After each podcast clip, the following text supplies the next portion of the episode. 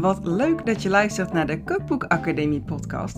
De podcast over het schrijven, maken en uitgeven van een kookboek. Mijn naam is Ilona de Wit, auteur en uitgever van het Burgondische Bitterballenboek. En in deze podcast vertel ik je alles wat ik heb geleerd over het maken daarvan. Wat komt er allemaal bij kijken? Waar begin je? Wat kost het maken van een kookboek? En hoe zorg je dat jouw kookboek zichtbaar wordt? Hallo, hallo en wat leuk dat je luistert naar aflevering 2 van de Kookboek Academie podcast. In deze aflevering ga ik je vertellen hoe mijn eigen uh, reis naar uh, het Burgondische bitterballenboek eruit heeft gezien. Het was namelijk niet zo dat ik zeg maar, heel, ik weet dat heel veel foodies, uh, foodbloggers, foodondernemers, waarschijnlijk ook wel chef van een restaurant, dat die de droom, echt een droom hebben van om, om een eigen kookboek te hebben. Nou, dat had ik eigenlijk nooit zo niet, uh, ja, was in ieder geval geen grote droom, stond niet bovenaan het lijstje. En ik was daar zelf eigenlijk ook helemaal niet mee bezig. Maar uh, ja, hoe is het bij mij begonnen? Ik ben een aantal jaar terug ben ik gaan um, bloggen uh, als worstenbrood en wijn.nl. En um, ook ben ik dat gaan delen op Instagram. En wat viel op, zeg maar, bij, bij mijn volgers, die viel het gewoon heel erg op, zeg maar, hoeveel plezier en hoeveel passie ik had, zeg maar, in het maken van bitterballen ik ben daar een paar jaar geleden mee begonnen en um, ja, ik ben er eigenlijk nooit mee gestopt. Ik, ik word gewoon nog steeds zo blij van iedereen eh, die mijn bitterballen proeft, van het steeds weer opnieuw bedenken van andere smaken. Dus nou ja, het bitterballetje zeg maar is toen letterlijk uh, gaan rollen. Ik kreeg ook steeds vaker de vraag van, uh, van mijn volgers van, hey, kunnen we ze niet ergens proeven? Dus toen um, ja, ben ik bitterballenborrels gaan organiseren bij mij thuis. Ik heb gewoon een aantal foodies uitgenodigd zeg maar, om bij mij thuis die bitterballen te komen proeven. En ik denk dat het op bitterballenborrel 2 of 3 was, dat dus uh, ja, vanuit anderen eigenlijk het idee voor een kookboek werd geopperd. Van hé, hey, waarom, uh, weet je wel, deze recepten zijn zo uniek en zo, uh, ja, zo lekker. Waarom is daar geen kookboek van? Moet jij niet je eigen kookboek met bitterballenrecepten hebben? Dus daar is het zaadje uh, geplant. En nou ja, goed, op het moment dat het zaadje was geplant, dacht ik van ja, vind ik eigenlijk toch wel heel erg leuk. Ik had ook al, uh, ik denk dat ik toen 10 of 15, uh, 15 recepten al een soort van kant en klaar had. En dan, ja, dan is het, uh, dan is het zaadje geplant. En als er bij mij eenmaal iets zeg maar uh, in mijn hoofd zit, uh, ja, dan, dan gaat het er ook niet meer uit. Maar waar ga je dan in hemelsnaam beginnen? Ik had daar geen ervaring mee. Ik, heb, uh, ik ben gewoon links en rechts eigenlijk een beetje informatie gaan inwinnen. Het werd ook al wel op Instagram gedeeld, zeg maar, dat het idee was geopperd. Dus ik kreeg ook uh, uh, van iemand een, uh, contactgegevens van een uitgever. Van hey, die heeft wellicht interesse. Daar heb ik contact mee opgenomen. Ik heb um, informatie ingewonnen bij Guus van de kookboekwinkel hier in Tilburg die heeft uiteraard ook, uh, ook kennis over, uh, ja, over wat er allemaal komt kijken zeg maar, bij een kookboek en wat er, uh, waar het dan aan zou moeten voldoen. En ik heb ook wel met verschillende uitgevers gesproken. Er was ook interesse voor. En waarom ik uiteindelijk ervoor heb gekozen om het toch zelf uit te geven, dat zal ik in de volgende aflevering uitgebreider bespreken. Maar eigenlijk vanaf het moment dat ik had besloten om het, om het zelf uit te geven, ja, ik kan er, ik kan er lang of kort uh, over zijn, maar ik ben gewoon begonnen. Ik heb daar wel uh, hulp bij gezocht, uiteindelijk van een, um, ja, noem het een soort van uitgeefdienst, zeg maar. Een soort van tussenpersoon die al vaker um, boeken heeft uitgegeven. Was overigens niet specifiek uh, kookboeken, maar het hele uitgeefproces en alles wat daarbij komt kijken, daar werd ik wel, um, wel wat in gestuurd.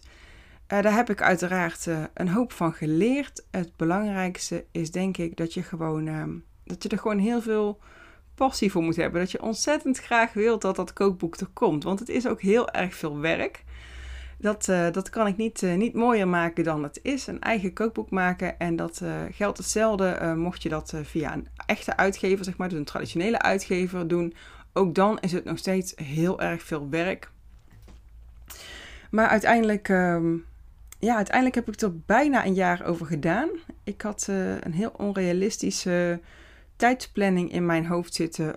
Het idee ontstond in maart 2019. En ik had het idee om hem uh, met de feestdagen, zeg maar, uh, eh, 2019 in de winkels te hebben. Nou, dat, is, dat was iets te ambitieus. dus uiteindelijk is dat eind maart 2020 geworden. Maar dat, ehm, ja, dat is een beetje zoals het eh, is gegaan. En dat kookboek lag er natuurlijk niet van de ene op de andere dag. Dat is echt in, uh, echt in verschillende stappen uh, gegaan. Maar inmiddels heb ik dus wel voor mezelf ook heel duidelijk, zeg maar, wat voor stappen daar allemaal bij komen kijken. En welke volgorde je dat het beste kunt doen. Hoeveel tijd je daarvoor nodig hebt. En dat is altijd meer als dat je van tevoren denkt.